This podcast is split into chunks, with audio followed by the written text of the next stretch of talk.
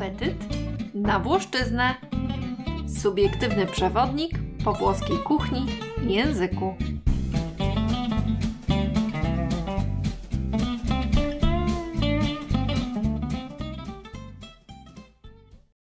Ten odcinek chciałabym zadedykować komuś specjalnemu. Mojej przyjaciółce Kindze, która zasugerowała mi temat pieczywa we Włoszech i która 10 maja obchodzi swoje święto.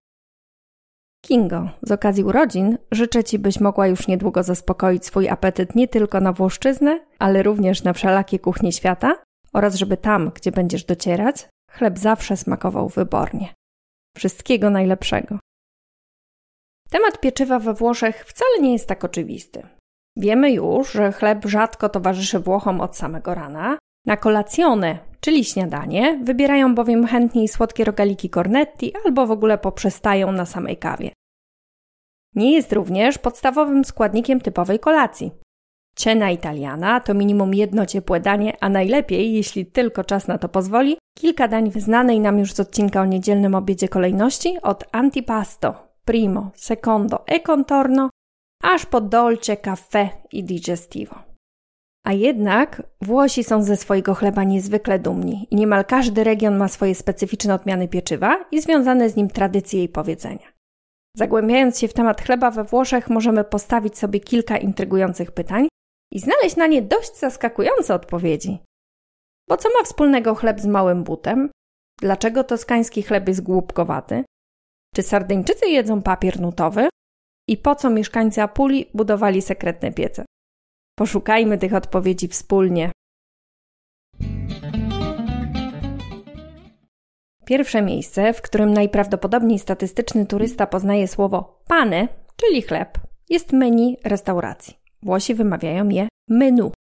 Lub, jeśli karty dań przestudiował niezbyt uważnie, dopiero otrzymany po posiłku rachunek, który czasem może spowodować przyspieszone bicie serca i krople potu na czole. Nawet jeśli zjedzone przed chwilą potrawy nie były nadzwyczaj pikantne. Z dużym prawdopodobieństwem na rachunku znajdzie się bowiem pozycja, której rzeczony turysta wcale nie zamawiał, o nazwie pane e coperto, czyli chleb i nakrycie do stołu. Jest to obowiązkowa opłata za stolik w restauracji, której wysokość waha się od jednego do nawet kilku euro, w zależności od lokalizacji i ekskluzywności lokalu. Czasem na rachunku znajdziecie samo słowo koperto, jednak tym, co szczególnie nas interesuje dzisiaj ze względu na temat odcinka, jest właśnie pane, czyli chleb. Bo właściwie po co nam chleb, skoro przyszliśmy do restauracji na talerz makaronu albo drugie danie? Otóż po pierwsze, w dobrych włoskich restauracjach posiłki są przygotowywane na świeżo. Zatem jeśli nie zamówimy zimnych antipasti, na ciepłe danie z reguły będziemy musieli trochę poczekać. A jeśli nasz organizm żyje już w rytmie włoskich posiłków, całkiem możliwe, że jesteśmy już tak głodni, że apetyczny wydaje nam się nawet kelner, choćbyśmy byli najbardziej zagorzałymi wegetarianami.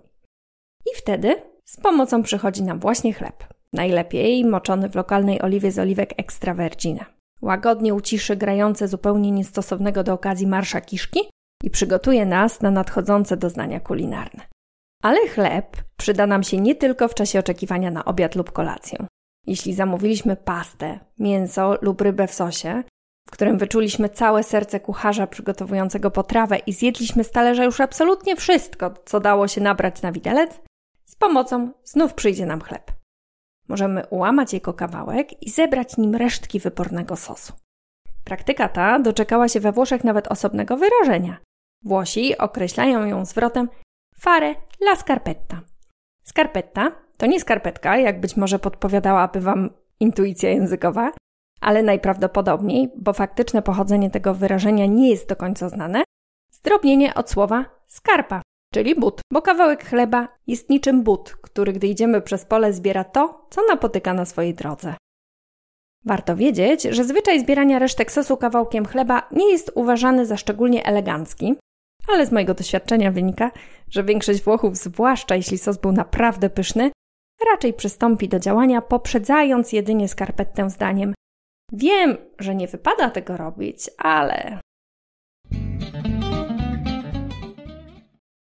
Prym w jedzeniu chleba wiodą Toskańczycy. To właśnie w Toskanii chleb w tradycji kulinarnej zajmuje ważniejsze miejsce niż pasta czy ryż, które niegdyś jadano tam wyłącznie od święta. Toskański chleb jest dość specyficzny i bardzo możliwe, że nie od razu się do niego przekonać. A to dlatego, że brak w nim dość podstawowego dla nas składnika, czyli soli. Sami Toskańczycy zdają sobie sprawę z tego, że jest to pewnego rodzaju anomalią i określają swój chleb terminem sciocco. Sciocco oznacza przede wszystkim pozbawiony inteligencji, czyli najprościej mówiąc głupkowaty. Toskańczycy rozszerzyli znaczenie tego słowa również na potrawy pozbawione kulinarnej inteligencji, czyli po prostu smaku. Dlaczego zatem robią chleb bez soli? Otóż zgodnie z popularnym stwierdzeniem, jeśli nie wiadomo o co chodzi, chodzi o pieniądze. Florencja, obecna stolica regionu Toskania, przez wieki rywalizowała z pobliską Pizą. I gdy Piza nałożyła wysoki podatek na sól, Florentyńczycy unieśli się honorem i postanowili zrezygnować z soli w produkcie, który towarzyszył ich codzienności. Dodatkowym argumentem przemawiającym za niesoleniem chleba było to, że jadło się go najczęściej ze słonymi produktami, jak wędliny, sery czy wytrawne sosy i mięsa. Co ciekawe, we Włoszech istnieje oddzielne słowo na te produkty, które można jeść z chlebem, czyli con pane. Określa się je mianem companatico. Wątek niesolonego florenckiego chleba pojawia się nawet u samego Dantego, który po wygnaniu z Florencji odkrył come sa di sale lo pane altrui, czyli o jakże jest słonym chleb cudzy. Oczywiście, jak to u wybitnych poetów bywa, zarówno dosłownie, jak i w przenośni. Toskańczycy są tak dumni ze swojego chleba, że postarali się nawet o objęcie go tak zwaną chronioną nazwą pochodzenia. Po włosku Denominazione di origine protetta, w skrócie DOP. Oznaczeniem rejestrowanym przez Unię Europejską, a zarezerwowanym dla produktów, których szczególne właściwości zależą od ich miejsca pochodzenia.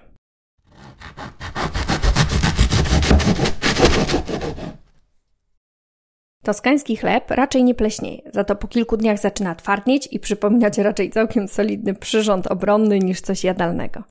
Jednak i na to sprytni Toskańczycy znaleźli sposób. Toskańska kuchnia obfituje w przepisy przewidujące wykorzystanie takiego czerstwego chleba po namoczeniu go. Taki chleb wykorzystuje się na przykład do sałatki z pomidorów, ogórków i cebuli, która nazywa się panzanella, czy uwielbianej przez toskańskie dzieci pappa al pomodoro, gęstego chłodniku z chleba i pomidorów z dodatkiem czosnku i oliwy. Czerstwy namoczony chleb wykorzystuje się także do faszerowania kurczaka, do klopsików, a nawet do deserów mlecznych. Zresztą chleba nie marnuje się również w innych regionach Italii.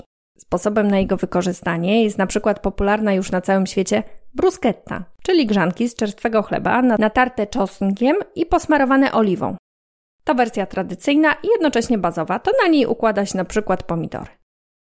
Podobnie jak zaradne polskie gospodynie i gospodarze domu, również Włosi ścierają czerstwy chleb, by uzyskać bułkę tartą. Na południu czasem podsmaża się ją na oliwie z oliwek i posypuje się nią makaron. Niegdyś był to sposób na zastąpienie drogiego parmezanu, przetrwał jednak w wielu przepisach do dziś, bo po prostu smakuje wybornie.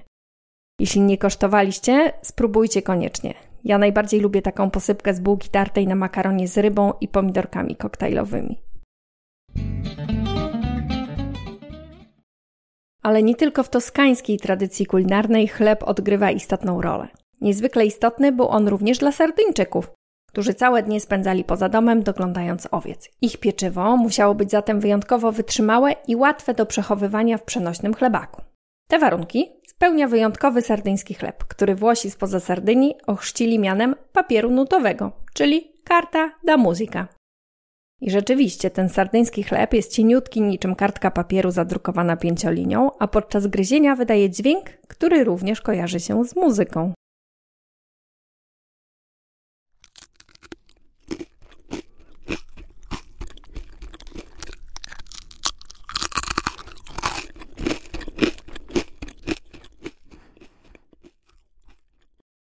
Alternatywna dla tradycyjnych bochenków forma pieczywa pojawiła się również w Piemoncie, za sprawą znanej nam już z opowieści o biscotti savoiardi i tiramisu dynastii sabałckiej.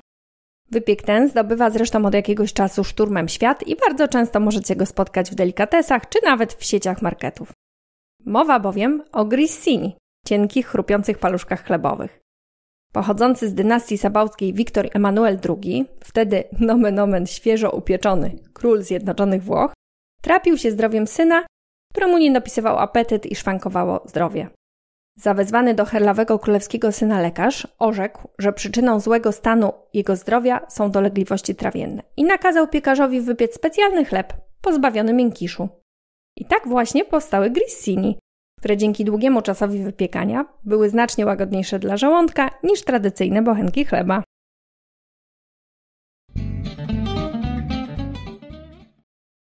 W wielu włoskich regionach jeszcze całkiem niedawno żywa była tradycja wspólnego wypiekania chleba.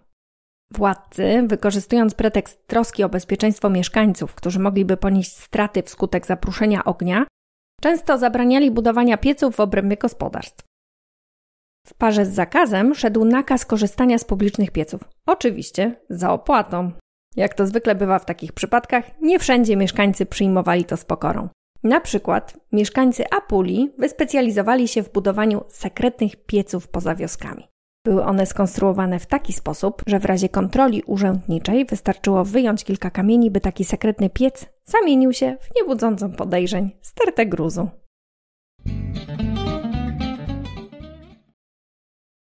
Wspólne wypiekanie chleba miało miejsce również w Kalabrii. Przybrało ono tam formę swoistego, trwającego dwa dni rytuału. Wypiekiem chleba mogły zajmować się jedynie kobiety posiadające odpowiednie doświadczenie i umiejętności. Przed włożeniem bochenków do pieca odprawiały one szereg rytuałów mających na celu przepędzenie złych uroków. Dla mnie również wypiekanie chleba to swoisty rytuał.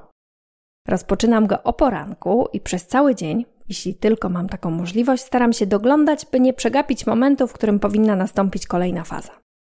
Włoszki i Włosi, pamiętający dawniejsze czasy, nie zrozumieliby pewnie mojego wyboru, ponieważ wypiekam chleb z razowej mąki żytniej, która dla najstarszych Włochów nadal jest synonimem ubóstwa. Niegdyś tylko najzamożniejszych było stać na białą mąkę pszenną. Ja jednak właśnie taki ciemny chleb najbardziej lubię. Najchętniej tuż po wyjęciu z pieca z grubą warstwą masła. A wy? Jaki chleb najchętniej jadacie?